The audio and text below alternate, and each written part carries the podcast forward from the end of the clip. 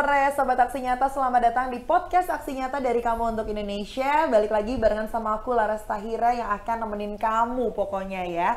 Yang akan nemenin kamu dari beberapa platform. Jadi kalau kamu nontonnya sekarang live Instagram Kamu juga bisa loh nontonin kita lewat Twitter, Youtube, website Semuanya sama di Partai Perindo Terus kamu juga bisa nontonin kita di inews.id, Okezone Terus bisa di RCTI Plus juga, Sindo News Pokoknya bisa semuanya itu ya.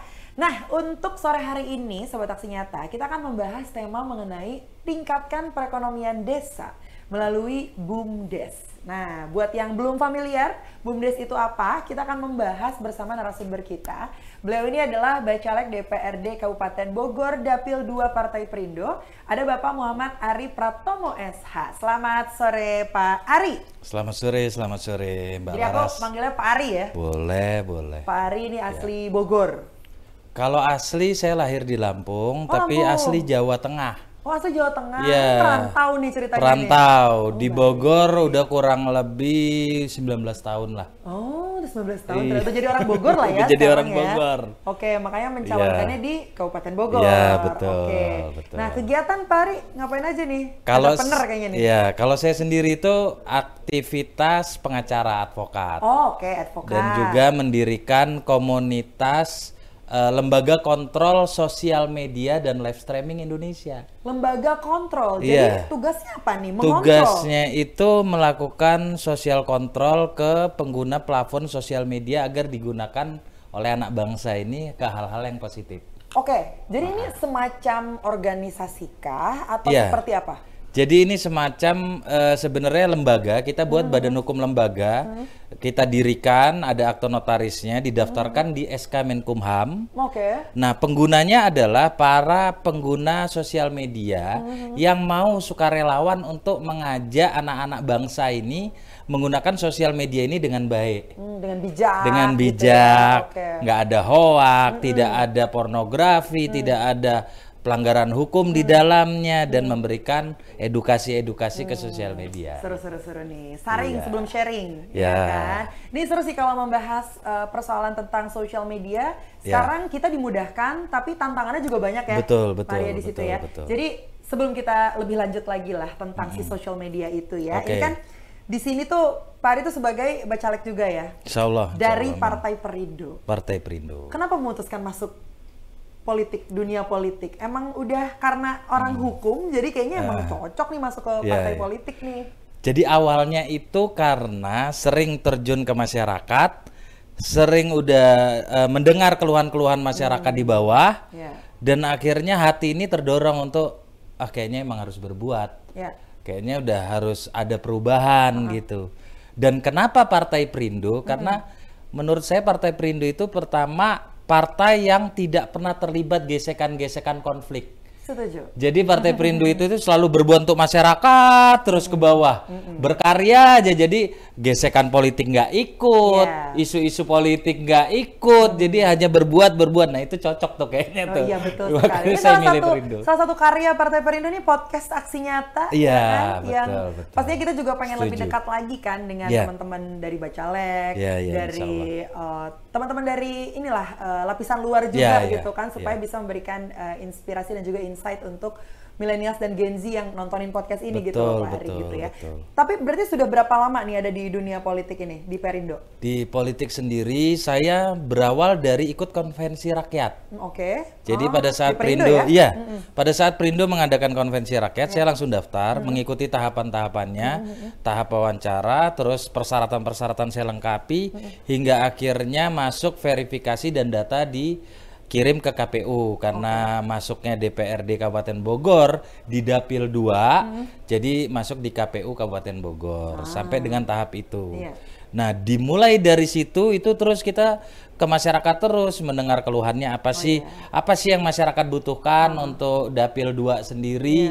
Nah, ternyata yang salah satunya itu yang tadi ternyata badan usaha milik desa itu kalau dicanangkan program itu bisa berjalan dengan baik, itu bisa buat makmur tuh Oke, bawah. jadi sebetulnya eh, BUMDes ini belum ada.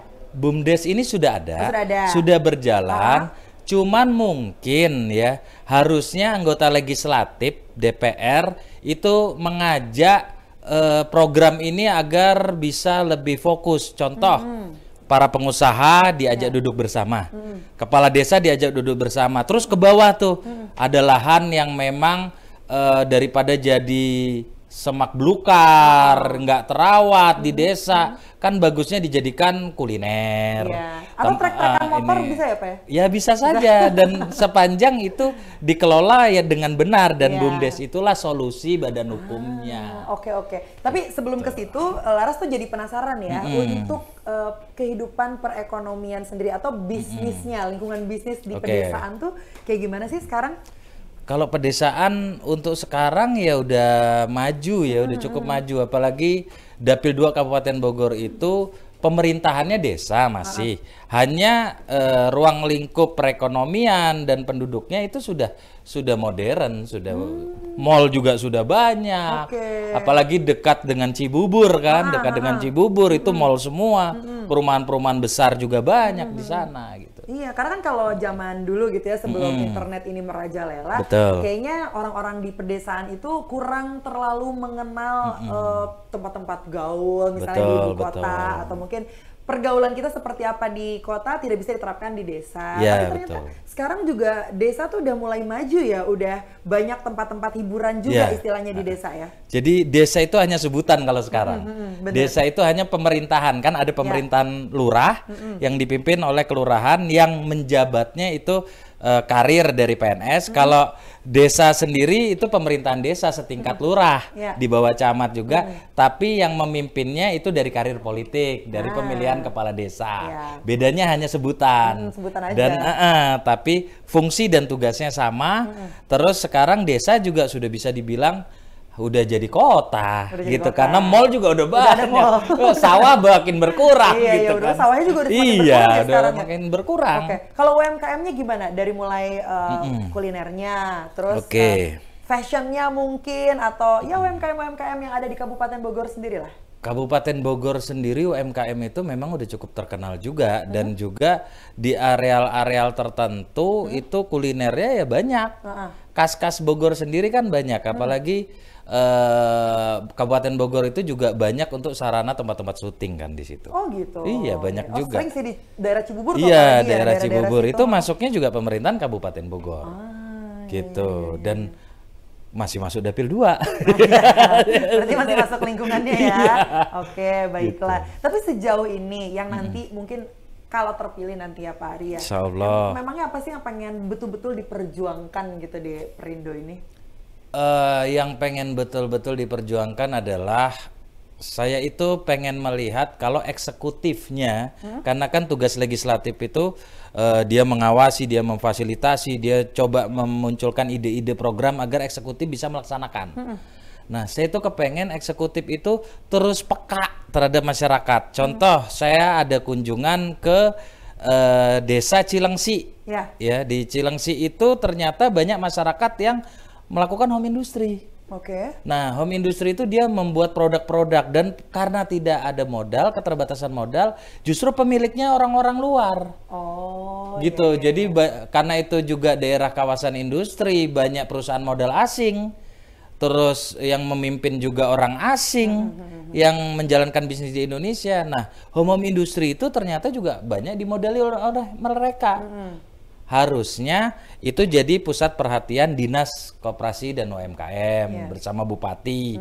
Dan itu fungsi dan tugas DPR untuk mengingatkan mampu nggak ini masyarakat? Jangan lagi tergantung sama orang luar. Iya. Jadi eh, UMK eh, Dinas Koperasi itu memfasilitasi, memberikan modal yang tidak memberatkan seperti apa, mengawasi dan eh, legislatif DPR itu yang eh, memfasilitasinya. Sudah gitu eh, anggarannya dia susun hingga akhirnya masyarakat itu nggak tergantung lagi sama orang luar, Iya. makmur masyarakat di bawah. Betul betul. Terus BUMDes sendiri diturunkan lagi ke tingkat bawahnya jadi badan usaha milik RT. Jadi tiap RT itu ada badan usaha. Iya iya iya. Pengangguran nggak ada di Bogor, Mbak. Mbak Laras ya kalau itu berjalan benar gitu Iya, loh. iya, iya, iya. Itu sih. Tapi kalaupun memang sudah terjadi seperti itu harusnya bisa uh, ini ya bisa belajar dari yang sudah kejadian gitu. Jadi Iya, kalau iya, misalnya sekarang masih di take over sama orang luar ya seenggaknya nanti bisa dijadikan pelajaran, Betul, pengalaman dan betul. nantinya bisa di take over sama warga sekitar gitu. Betul. Nggak ada lagi orang luar gitu Betul, kan, makanya ya.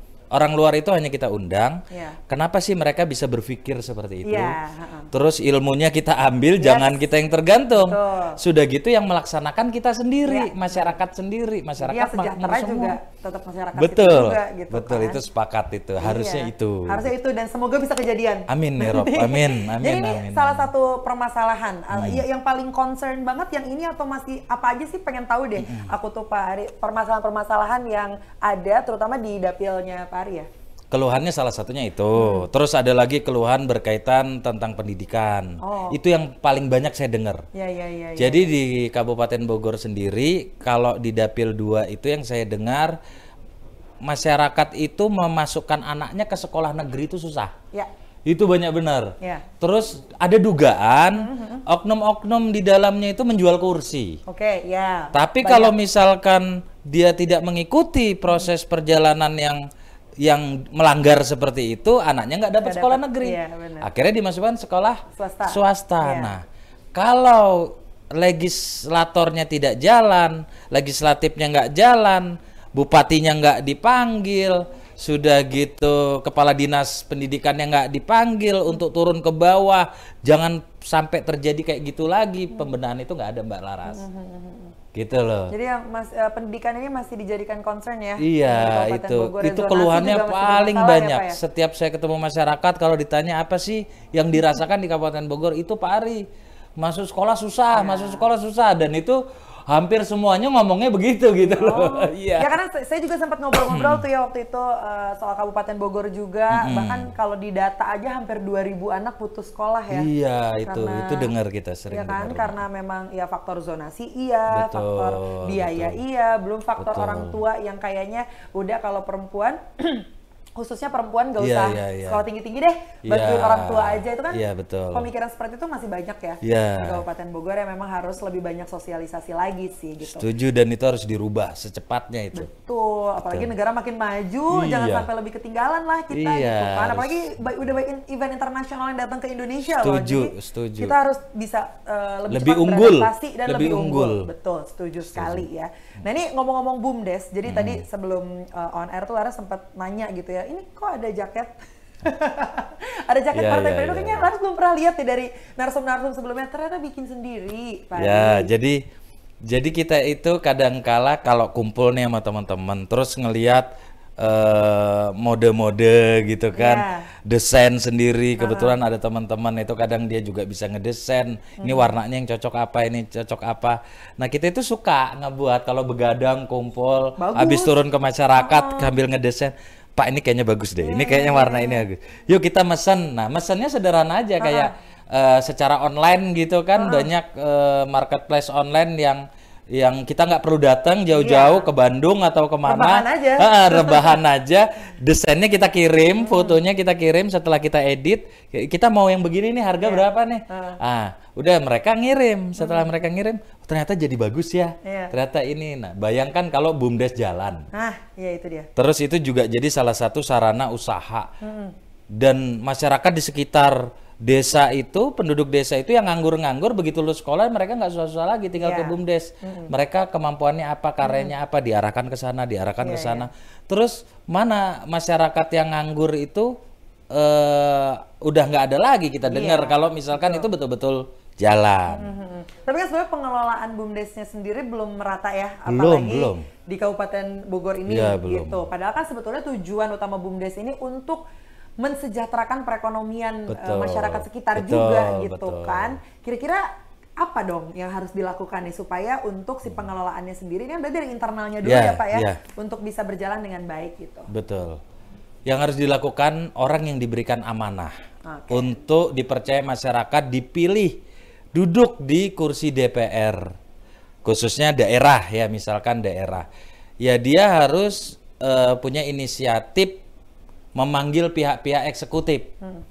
Misalkan kayak bupati, dinas-dinas. Nah, itu agar diperintahkan untuk melaksanakan melaksanakan yang eh, seperti BUMDes, kepala desanya dipanggil, eh, bupati dipanggil, dinas koperasi UMKM dipanggil, terus ayo ini BUMDes tolong turun ke Badan Usaha Milik RT. Berapa aset desa yang jadi semak belukar nganggur? Ya. gitu. Nah ini dijadikan apa? Kuliner kah? Terus eh, ide-ide yang lain apa? Terus masyarakat harus punya data nih. Anak-anak yang nganggur, lulus sekolah, nggak kuliah, terus nggak ada pekerjaan itu berapa? itu tugas kepala desa dan itu yang aktif pertama kali ya harus DPR-nya. Iya iya iya. Itu. Tapi kan artinya memang ini butuh eh, pendampingan ya, karena kan sebetulnya bumdes ini adalah hal yang baru untuk Betul, apalagi masyarakat-masyarakat di desa gitu. nah Betul, sejauh betul. ini untuk pendampingannya sendiri seperti apa Pak Ari? Kalau saya belum melihat perjalanan itu ada, hanya BUMDes ada. Oke. Cuman yang saya lihat di sekretariat desa itu di kantor desa, kantor sekretariat BUMDesnya itu hanya untuk beli token pulsa. Oh. Beli ini, tapi pengembangannya nggak ada. Oke. Gitu. Bayangkan kalau BUMDes itu jadi kayak perusahaan. Iya. Terus begitu kepala desanya masa jabatan habis, dia eh, ada kepala desa yang baru diwariskan lagi ini loh aset desa yang tadinya jumlahnya cuman segini jadi segini kan gitu. iya, iya. Karena ada bumdes itu dikembangkan. Masyarakat yang tadinya nganggurnya itu ada sekian, nah sekarang cuman sekian orang aja. Solusinya apa? Tinggal diterusin terus sama kepala desa yang Iya, berikutnya. iya, Gitu. Oh iya, tapi kalau ngelihat eh, masyarakatnya sendiri ya, karena kan untuk potensi pasti ada ya. Oke. Masyarakat Kabupaten Bogor, terutama di Dapil 2 ini. Kalau Pak Ari ngelihatnya gitu, potensi yang bisa dikembangkan dari sisi pariwisatanya, Ya. dari eh, kulinernya mungkin. Oke. Apa aja sih yang bisa diulik, bisa digali gitu? Banyak sekali. Eh, kayak pariwisata sendiri di Dapil 2 Kabupaten Bogor itu kan ada kayak Taman Buah Mekarsari ada. Itu udah cukup lama, udah cukup terkenal. Sekarang ada Water Kingdom. Water Kingdom itu itu terbesar se Asia Tenggara loh. Oh, oke. Tapi promosinya kurang. Mm-mm. Oh iya. Gitu. Nah, makanya kayak saya mendirikan lembaga kontrol sosial media dan live streaming Indonesia itu mengajak anak-anak muda untuk ayo nih pariwisata pariwisata di lokasi kalian kalian promosiin lewat sosial media. Hmm, hmm, hmm. Terus kalian punya karya apa karya apa karya apa di situlah berkarya di sosial media. Iya, iya. Sekarang mudah dengan sosial media itu dunia bisa ngelihat kalian nih. Betul. Gitu. Nah, itulah eh, kenapa juga kita mendirikan itu. Jadi biar ada ada wadah untuk anak-anak muda ini. Iya. Terus eh, kayak mereka punya jiwa dagang, punya jiwa bisnis. Kafe-kafe udah banyak sekarang di sekitar Dapil 2 sendiri. coffee shop udah iya, di shop ya? udah di mana-mana dan itu di desa-desa itu yang masih ada sawahnya sedikit, danaunya sedikit, mereka desain tuh jadi jadi coffee shop. Itu yang dicari justru sekarang. Iya, Ya kan, jadi, di suasana pedesaan. sawah. Iya, suasana pedesaan benar. Gitu. Cuman saya belum melihat Hmm. Dinas Koperasi dan UMKM turun membina mereka, mengembangkan, mengarahkan, sudah gitu eh, memfasilitasi agar booming. Kalau kita lihat setiap pemerintah kan ada website khusus, Iya. website sendiri. Hmm. Terus di website itu kan kita bisa lihat ya seberapa jalan pemerintahan itu. Iya. Kalau di website semua potensi itu itu ada di website pemerintahannya, berarti mereka jalan. Tapi kalau nggak ada, isinya hanya pidato-pidato yang membosankan, ya kan. Sementara mereka itu kurang peka dan nggak menilai, eh, nggak eh, bisa melihat kondisi daerahnya, itu berarti belum jalan. Bukan nggak jalan, belum jalan. Iya. Berarti yang harus mendorong DPR-nya Hmm, balik gitu. lagi gitu. Heeh, Oh, DPR-nya. Nah, kalau DPR-nya itu terpanggil banget hatinya, dia pasti bisa untuk melakukan perubahan. Pasti. Nah, tapi kalau ini balik lagi nih ya, Oke. eh, ngomongin sosial media lembaga yang Oke, oke. Pak Ari jalankan juga gitu. Karena ini berhubungan juga dengan kegiatan-kegiatan eh, yang dilakukan oleh masyarakat dari Dapil 2 lah, Iya, especially oke. gitu ya. Entah itu mereka buka coffee shop lah, entah itu mereka berdagang apalah, kaos Iya, dan iya. segala macam. Kan artinya mereka harus mempromosikan itu lewat sosial media, Sosial apalagi media, gitu kan betul, zaman betul, sekarang gitu. betul. Apakah ada pelatihan-pelatihan khusus Pak Ari selama ini yang diberikan oleh eh, teman-teman dari lembaga ke masyarakat khususnya di Dapil 2 ini? Ya, kita sering mengadakan edukasi itu. Sebelum saya terjun ke politik terus uh, nyalek hmm. itu kita juga udah melakukan. Ah, udah rutin ya? Uh, udah hmm. dulu tuh dulu kita udah buat surat di tahun 2017 itu minta audiens hmm. ke Menkominfo oh, ya. agar lembaga kita itu bisa ditunjuk. Hmm. Lembaga kontrol sosial media ini untuk jadi pusat training center okay. official host di hmm. TikTok. Oh di IG Bigo Live uh -huh. itu kan host-hostnya itu tuh harus di training. Yeah. Kalau nggak di training, bagaimana dia menularkan bahasa yang baik hmm. ke masyarakat? Hmm. Kalau nggak di training, bagaimana dia itu tidak melakukan aksi pornografi, yeah. membuka aurat hmm. dan lain-lain. Nah itu harus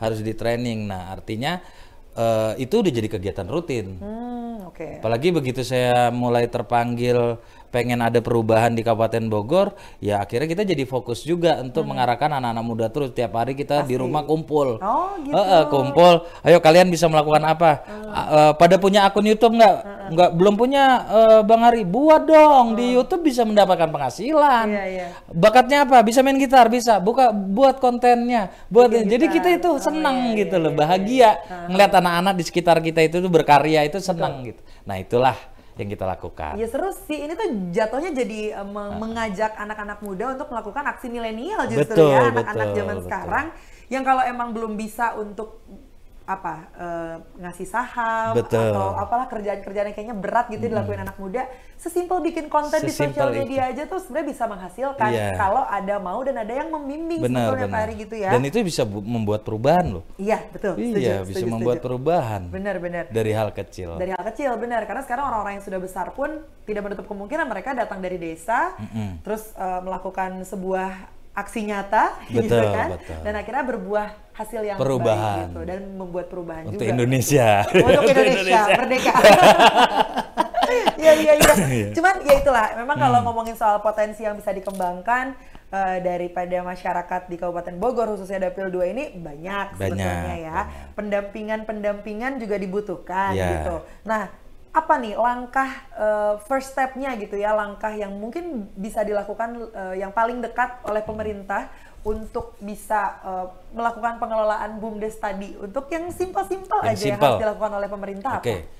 Yang simpel itu bupati bersama dinas terkaitnya manggil kepala desa mm -hmm. memerintahkan kepala desa agar bumdes ini harus uh, bisa sampai turun ke tingkat RT Badan usaha milik RT itu juga harus sudah ada. Sudah gitu panggil pengusaha-pengusaha hmm.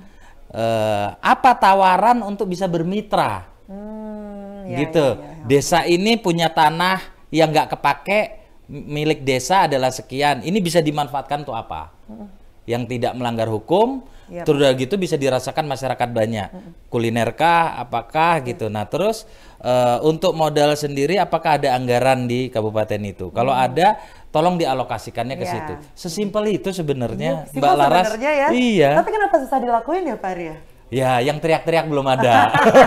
ya makanya inilah tujuan Pak Ari turun juga ya ke Partai Perindo untuk bisa Allah. menyuarakan itu dan semoga insya bisa Allah, sama insya pemerintah. Allah. Karena nggak tahu ya, aku sih dengernya gemes aja gitu hmm. karena banyak potensi yang bisa dikembangkan hmm. dan ini salah satu cara yang gampang sebetulnya gampang. untuk bisa menaikkan ekonomi Betul. Uh, masyarakat di desa ya. gitu kan. Dan uraian saya ini dari tadi masuk akal kan Mbak Lara. Banget, makanya dan, dan kita udah kebayang kan, uh -huh. ini kalau dilakukan eh memang bener ya, jalan kan gitu emang jalan. Maksudnya flow flow-nya akan seperti iya, itu kok kalau dijalankan betul, gitu. Jadi ya semoga lah bisa amin, amin, menyelesaikan, amin. bisa menjalankan yang dicanangkan ya Siap. Pak Ari ya. Dan yeah. pokoknya hope for the best lah pokoknya. Insya Dan Allah, insya tentunya terima kasih juga Pak Ari sudah mampir sama, di podcast Aksi Nyata ya. Ini juga campaign aksi nyata nih yang berhubungan hmm. dengan movement yang dijalankan Partai Perindo juga ya sobat aksi nyata yeah. produktif, solutif, modern, bersih berintegritas, peduli dan juga turun tangan untuk Indonesia sejahtera. Jadi yeah. Laras mau mengundang hmm, sobat aksi nyata yang pengen gabung di Partai Perindo itu bisa langsung cek aja website di bawah sini di www.partaiperindo.com dan jangan lupa juga untuk mendownload aplikasi Partai Perindo di App Store atau Play Store atau biar lebih gampang kamu scan aja barcode yang ada di layar sini. Ya, jangan lupa. Sekali lagi terima kasih Pak Ari, semoga memberikan Sama-sama. banyak insight untuk sobat aksi nyata yang menyaksikan amin. podcast ini dan terima kasih juga untuk Partai Perindo yang selalu bergerak dengan aksi nyata. Semoga Partai Perindo semakin sukses dan juga maju terus untuk Indonesia sejahtera. Salam aksi nyata dari kamu untuk Indonesia. Laras Taira pamit dulu. Kita ketemu di episode selanjutnya. Dadah. Marilah seluruh rakyat Indonesia Arahkan pandanganmu ke depan Raihlah mimpimu bagi nusa bangsa. Satukan untuk masa depan. Pantang menyerah. Itulah pedomanmu. Hentaskan kemiskinan cita-citamu. Rintangan tak menggentarkan dirimu. Indonesia maju Sejahtera tujuanmu Nyalakan api semangat perjuangan. Dengarkan gema, nyatakan persatuan.